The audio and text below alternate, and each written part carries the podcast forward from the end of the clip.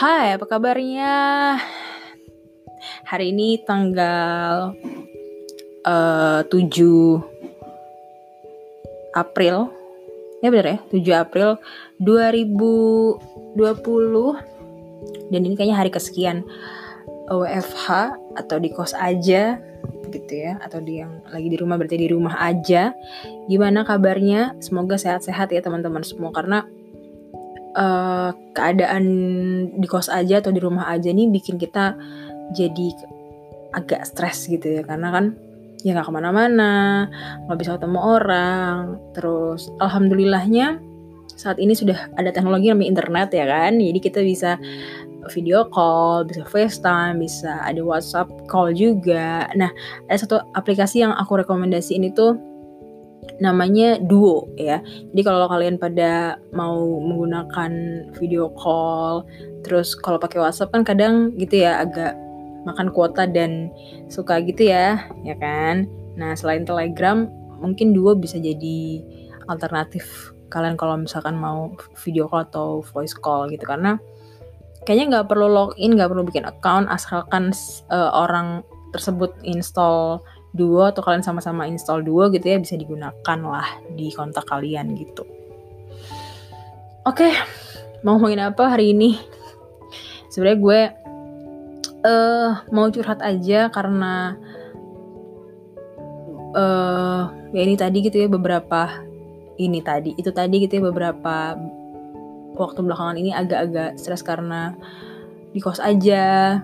Terus untungnya sih kos gue yang sekarang ini menyenangkan untuk gue bisa keluar dan maksudnya bukan keluar kosan ya, tapi maksudnya ya keluar kamar, keluar kamar dan di kosannya itu cukup menyenangkan gitu. Ada kayak kolam ikannya, terus tempatnya terbuka gitu. Jadi ya bisalah uh, buat jemur, buat jemur, buat berjemur gitu ya, maksudnya kena matahari dan menghirup udara segar gitu menyenangkan lah cukup menyenangkan terus um, gue kegiatannya selain WFH ya di momen-momen ketika gue bener-bener stuck dan mau ngapain gitu ya. Sebenarnya bukan mau ngapain mau ngapain itu bukan karena nggak ada kerjaan ya. Tapi kayak tau gak sih kayak momen di mana lo tuh tidak mencari hiburan yang kayak YouTube atau film gitu ya, streaming film Netflix gitu misalnya. Tapi lo tuh pingin hiburan yang dua arah gitu loh. Kalau kalau gitu kan lo ya ya satu arah maksudnya gimana sih? Lo nonton terus ya udah gitu kan. Ini gue lo pingin komunikasi dua arah gitu. Tahu lo belibet banget gue intinya gue tuh pengen ngobrol gitu kan. gue pengen ngobrol terus gue mulai mencari-cari kontak siapa lagi nih yang bisa gue telepon ya gitu uh, gue tuh biasanya jadi ada satu grup gitu ya yang itu aktif banget di tempat gue. Jadi maupun gue di kantor hari-hari biasa tuh pun gue kayak sering update di situ sering kayak nyapa mereka cia apa grupnya cuma tiga orang sebenarnya ya jadi emang teman-teman deket gue. Tapi ada satu lagi grup yang isinya tiga orang juga gue di dalamnya temen deket gue yang lain lagi. Tapi tuh jarang gitu kita jarang jarang gue jarang uh, ngechat di situ ya sesekali gitu kan. Tapi ini gue jadi sering banget gitu. Terus gue sering gangguin mereka nelfonin mereka video callin mereka. Lagi apa? Karena terus terang gue hmm, gue tidak ke mana-mana nggak masalah gitu ya. Tapi yang jadi masalah adalah uh, tidak berinteraksi dengan orang lain itu yang jadi masalah buat gue sebenarnya maksudnya interaksinya beda ya kalau lo teleponan dan lo chatting tuh ya udah sebatas itu. Tapi gue kayak butuh ngobrol nggak tau ngobrol-ngobrol sampah aja gitu. Nggak penting dan gak jelas gitu. Cuman untuk jadi gue pernah baca ya bahwa perempuan dan laki-laki tuh ada apa namanya maksimal eh minimal kata-kata yang harus dikeluarkan dalam satu hari gitu. Kenapa? Makanya perempuan lebih cerewet dan kenapa laki-laki lebih diem gitu. Kalau nggak salah gue pernah baca di mana gitu. Nah gue harus mengeluarkan itu tuh per berapa kata-kata itu per hari dengan cara itu tadi nelfonin orang ngajak ngobrol-ngobrol yang nggak penting gitu. Ngereceh gitu misalkan. Ya gue udah lama banget ngereceh. Um, gue sempet browsing browsing tentang self healing juga selama di kos aja ini kenapa? Karena menurut gue tuh penerimaan terhadap sebuah masalah tuh penting banget ya. Maksudnya ketika gue semakin denial semakin kayak ah gue nggak gitu gitu. Ah gue harus nggak gini gitu. Semakin bikin stres gitu. Jadi udah terima aja sebenarnya tuh itu yang pingin gue pelajarin sih ya. Dan gue baca beberapa kayak apa tuh TAT teknik gitu ya. Tapas aku pressure aku pressure. Sebenarnya teknik ya TAT terus self healing self self healing yang lainnya gitu. Menarik sih buat gue buat dicobain. Um, bukan hanya karena gue bermasalah dalam artian gini itu kan menyembuhkan trauma salah satunya ya. Tapi bukan hanya itu tapi memang gue pingin lebih kalem dan tenang eh kalem dan tenang. Kalem aja dalam menghadapi situasi dan kondisi tertentu gitu ya. Karena gue tuh orangnya gampang banget panik. Jadi misalkan uh, misalkan nih gue kayak ketinggalan sesuatu gitu. Aduh gimana ya gitu. Aduh gimana ya. Gue pasti panik. Ketinggalan sesuatu yang penting. Katakanlah katakanlah nih ya gue uh, ketinggalan HP aja tuh gue lumayan panik gitu. Padahal ya udah gitu kan. Kalau yang nggak bisa ngehubungin gue paling ya gue bisa pakai uh, laptop gitu kan. By laptop kan selama kayak WhatsApp tuh selama dia connect selama HP-nya hidup mau di rumah tetap aja kan dia terkoneksi kan. Asalkan internet juga hidup ya di HP-nya tapi biasa gue panik tuh kayak gimana ya gimana ya gimana ya. Gitu. Nah itu yang yang mengganggu karena sebenarnya yang ganggu bukan karena nggak bawa HP-nya tapi paniknya yang ganggu. Kalau misalkan gue berpikir jernih maka di kantor tuh gue bisa minjem HP jadi kan gue pekerjaan gue kan sosial media. Jadi gue butuh harus upload harus apa gitu gitu nah kalau misalkan gue oh nggak ada HP nih gue nggak bisa upload. Oke okay. salah satu jalan ninjanya adalah ya itu gue bisa minjem handphone di kantor kan tapi kalau gue panik dan HP gue ketinggalan tuh aduh gimana ya gimana ya gimana ya gitu kan. Sebenarnya bisa minjem di kantor misalkan gitu. Atau ya udah pulang lagi ya kan ambil HP-nya balik ke kantor. Selesai kan sebenarnya. Tapi ya tadi kadang panik itu yang justru bikin kita jadi gerasa gerusu jadi berpikir pendek Nah itu yang sebenarnya gue nggak pingin gitu. Permasalahannya adalah bukan di ketinggalan HP-nya sebenarnya, tapi di paniknya karena panik itu juga akan mengarahkan ke emosi yang lebih besar yaitu marah. Kalau misalkan gue panik terus jadi sumbu pendek, uh, ada sesuatu dikit pasti jadi pan sih gitu kan. Nah itu yang gue juga nggak pingin gitu. Jadi kayaknya seru juga kalau misalkan gue bisa self healing dan mengatasi rasa panik tersebut dalam segala hal ya. Gitu bisa lebih tenang bisa lebih berpikir yang jernih dalam pengambilan keputusan-keputusan di hidup gitu ya. Contoh simpelnya sih kayak tadi itu ya ya kayak masalahnya bukan ketinggalan HP-nya tapi masalahnya di paniknya. Paniknya tuh kadang membawa ke masalah yang lain gitu. Hah. ini sebenarnya bukan bermaksud berceramah atau apa nih curhat aja terus gue selama di kos aja tuh jadi sering masak kan. Nggak masak yang masak banget sih sebenarnya cuman cemplung-cemplung aja gitu. Tapi jadi lebih rajin daripada biasanya. Terus beberapa waktu gue bangun lebih pagi sih cuman uh, tadi pagi aja kayak gak kebablasan. Itu gue gak nyangka kebangun-bangun hah udah jam segini gitu jam setengah sepuluh. Biasanya gue bangun pagi jam 6 jam tujuh kadang habis sholat subuh gue nggak tidur lagi kan gitu. Gitu sih jadi uh, yang menyenangkan dari di kos aja atau di dari WFH ini adalah apa ya? Ya banyak yang bisa dilakukan sebenarnya. Kayak gue bisa masak bisa apa bisa apa. Tapi gue bukan tipikal orang yang kayak gitu sebenarnya. Jadi dulu waktu gue kerja kantoran di di dulu ya di dulu ya kan ya. Gue punya temen namanya Septi. Kalian mungkin udah pernah denger di episode sebelumnya waktu gue bahas passion sama Septi. Nah dia tuh freelance gitu. Saat gue kenal sama dia waktu itu ngantor tapi bisa dia freelance. Nah terus kan gue ngantor nih kan gue masih ngantor dia udah freelance.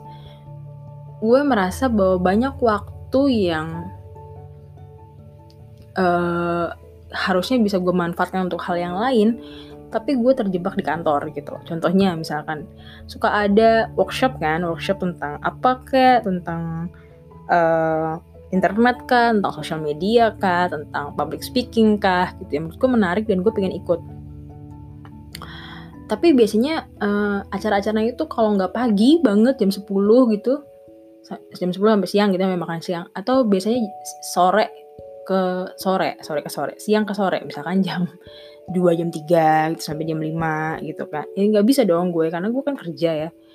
Maksim eh sorry, minimal banget tercepat gue pulang jam 4 jam 4 jam setengah 5 lah gitu ya paling cepet tuh acaranya udah keburu kelar kan biasanya acara mulai jam 3 jadi biasanya gue kalau bener-bener ada acara yang pengen gue ikutin banget itu gue buru-buru tuh berangkat pagi jadi pulangnya bisa cepet gitu kan nah teman gue ini si Septi dia karena freelance dia bisa kerja di mana aja kan jadi kalau dulu update story tuh lagi di cafe mana lagi kerja di mana ikutan acara ini, ikutan acara itu. Kayaknya bisa waktu 24 jam tuh jadi banyak gitu. Gue ngerasa dulu tuh waktu gue cuman habis kerja, balik, kerja balik, kerja balik gitu. Itu berulang terus. Nah kemudian setelah gue resign dan gue akhirnya beberapa waktu di rumah aja, setelah resign ya, nggak bukan kayak sekarang ya, di rumah aja karena terus gue freelance ada beberapa job, nggak beberapa sih, dikit lah ya. So, kesannya kayak beberapa tuh banyak, ada lah tapi kan job. Gue merasa bahwa gue nggak bisa kerja di rumah. Gue bukan tipikal orang yang bisa kerja di mana aja. Kerja tuh ya di kantor gitu. Karena ketika gue bawa kerjaan gue ke rumah badan gue tuh dan badan dan pikiran gue tuh switchnya udah beda gitu ya gue lagi di rumah gue pengen santai gitu. Gitu. Sedangkan kalau di kantor tuh modenya mode mode kerja gitu. Gue nggak bisa. Gue kerja di cafe aja tuh nggak bisa. Jadi di kantor gue ada namanya offsite ya dulu. Lo boleh pakai offset itu sebulan sekali bareng-bareng sama uh, rekan kerja lo satu divisi buat kerja di mana aja di cafe gitu misalkan. Tapi itu gue di hari itu pasti gue sangat tidak produktif ya walaupun gue nggak produktivitas gue nggak tinggi tinggi juga ya. Gue bisa akun gue lelat juga. Tapi maksud gue di hari itu pasti jauh lebih jelek gitu. Karena mood karena moodnya adalah mood di cafe gitu. Gue nggak bisa tuh kerja di cafe tuh hal yang sulit buat gue. Banyak distraksi banyak orang lewat banyak suara belum suara musik gitu. Karena kan kalau gue kerja di kantor gue juga dengerin musik sih. Kadang dengerin podcast dengerin sambil dengerin Spotify juga dengerin musik. Tapi musik-musik yang gue pilih adalah musik-musik yang gue pengen dengerin dan membantu membangun mood gue. Gue kadang bisa nyetel lagu tuh berkali-kali berkali-kali itu terus gue putar. Karena menurut gue ketika gue dengerin lagu itu gue jadi semangat gitu moodnya bagus gitu. Gue udah ganti lagu kayak eh ganggu kan? Itu yang gue rasain ketika kerja di cafe gitu. Karena lagu-lagunya pun nggak seperti yang gue inginkan gitu ternyata gue bukan tipikal orang yang bisa kerja di mana aja sebenarnya gitu. Gue mendingan lembur sampai jam 8 gitu ya. Jam 9 kalau perlu. Tapi begitu balik ke rumah tuh gue udah ngambil kerjaan gue bisa tidur. Udah kelar nih kerjaan gitu. Daripada gue balik cepet jam 4 jam 5 tapi sampai kosan sampai ke rumah gitu gue harus buat kerjaan lagi gitu. Karena moodnya udah beda. Mood dan moodnya udah beda gitu ya uh, ya sebenarnya gue pengen jadi orang yang bisa kerja di mana aja sih karena fleksibel gitu ya tetap produktif walaupun rebahan gitu tapi mungkin gue harus bisa menerima itu bahwa saat ini kondisinya seperti ini jadi ya jangan ditolak ya semakin ditolak kayaknya semakin susah untuk bekerja dengan fokus jadi ya udah dijalanin aja sih gitu. sama halnya seperti ketika gue dulu skripsian dan gak kelar-kelar ya udah diterima aja. Pada akhirnya ketika kita menerima uh, bukan berarti gue menerima terus menyerah ya beda ya. Dalam artian gini ini skripsi susah nih. Uh, gue salah jurusan waktu itu terus dosen gue susah juga waktu itu. Dalam artian perfeksionis dia. Terus gue nggak bisa ngerjain ya udah gue menerima itu bahwa ini sulit buat gue keadaan itu dan bagaimana gue bisa keluar dari situ gitu. Karena gue menerima aja oke okay, ini kasusnya kayak gini nih. Kalau karena dalam beberapa waktu gue denial gitu loh kayak kenapa gue ambil jurusan ini ya? Kalau gue ngambil jurusan ini gue uh, apa namanya kalau gue nggak ngambil jurusan ini sorry kalau gue nggak ngambil jurusan ini kan gue nggak akan enaknya kayak gini gitu ya. Kenapa gue dapet uh, apa sih namanya uh, pembimbing bapak ini gitu kan. Coba kalau misalkan gue dapet pembimbing bapak ini mungkin gue nggak akan kayak gini enaknya. Coba kalau gue ngerjain dari sebelum sebelumnya ketika teman-teman gue belum start gue udah start duluan. Jadi gue bisa lebih cepet gitu. Nggak kayak mereka sekarang udah lulus gue belum lulus gitu. Gitu ya gue kayak ada penyesalan ada kayak penolakan gitu.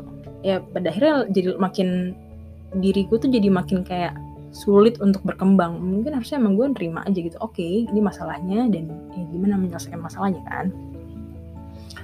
Gitu sih. Itu sedikit saran dari gue yang sebenarnya juga gue belum bisa mm, melakukan sepenuhnya. Dalam artian gue belum bisa sepenuhnya menerima apa yang terjadi di diri gue. Maksudnya kadang gue masih kayak aduh gimana nih gimana nih? Harusnya gue nggak kayak gini nih. Aduh bego banget sih gitu tapi perlahan-lahan gue kayak oke okay, tarik nafas pelan-pelan it's okay gitu. Ini kesalahan yang lo bikin ya udah. Apa apa akuin aja lo salah. Baikin tapi gitu kan. Karena penolakan tuh akan ada akan akan apa ya akan membuat lo akan terus kayak denial terus gitu. Jadi kayak ah enggak ah enggak enggak gini deh harusnya gitu. Kalau gue nggak kalau gue nggak kayak gini pasti nggak kayak gini nih ya udah terjadi mau gimana kan? Gitu ya. Ini adalah salah satu seperti podcast podcast yang lainnya sih sebenarnya nggak salah satu juga. Gue selalu merasa bahwa konten yang gue sampaikan tuh uh, banyak yang relate sama kehidupan orang lain tapi nyampaian gue mungkin tidak sebaik podcaster yang lain gitu ya.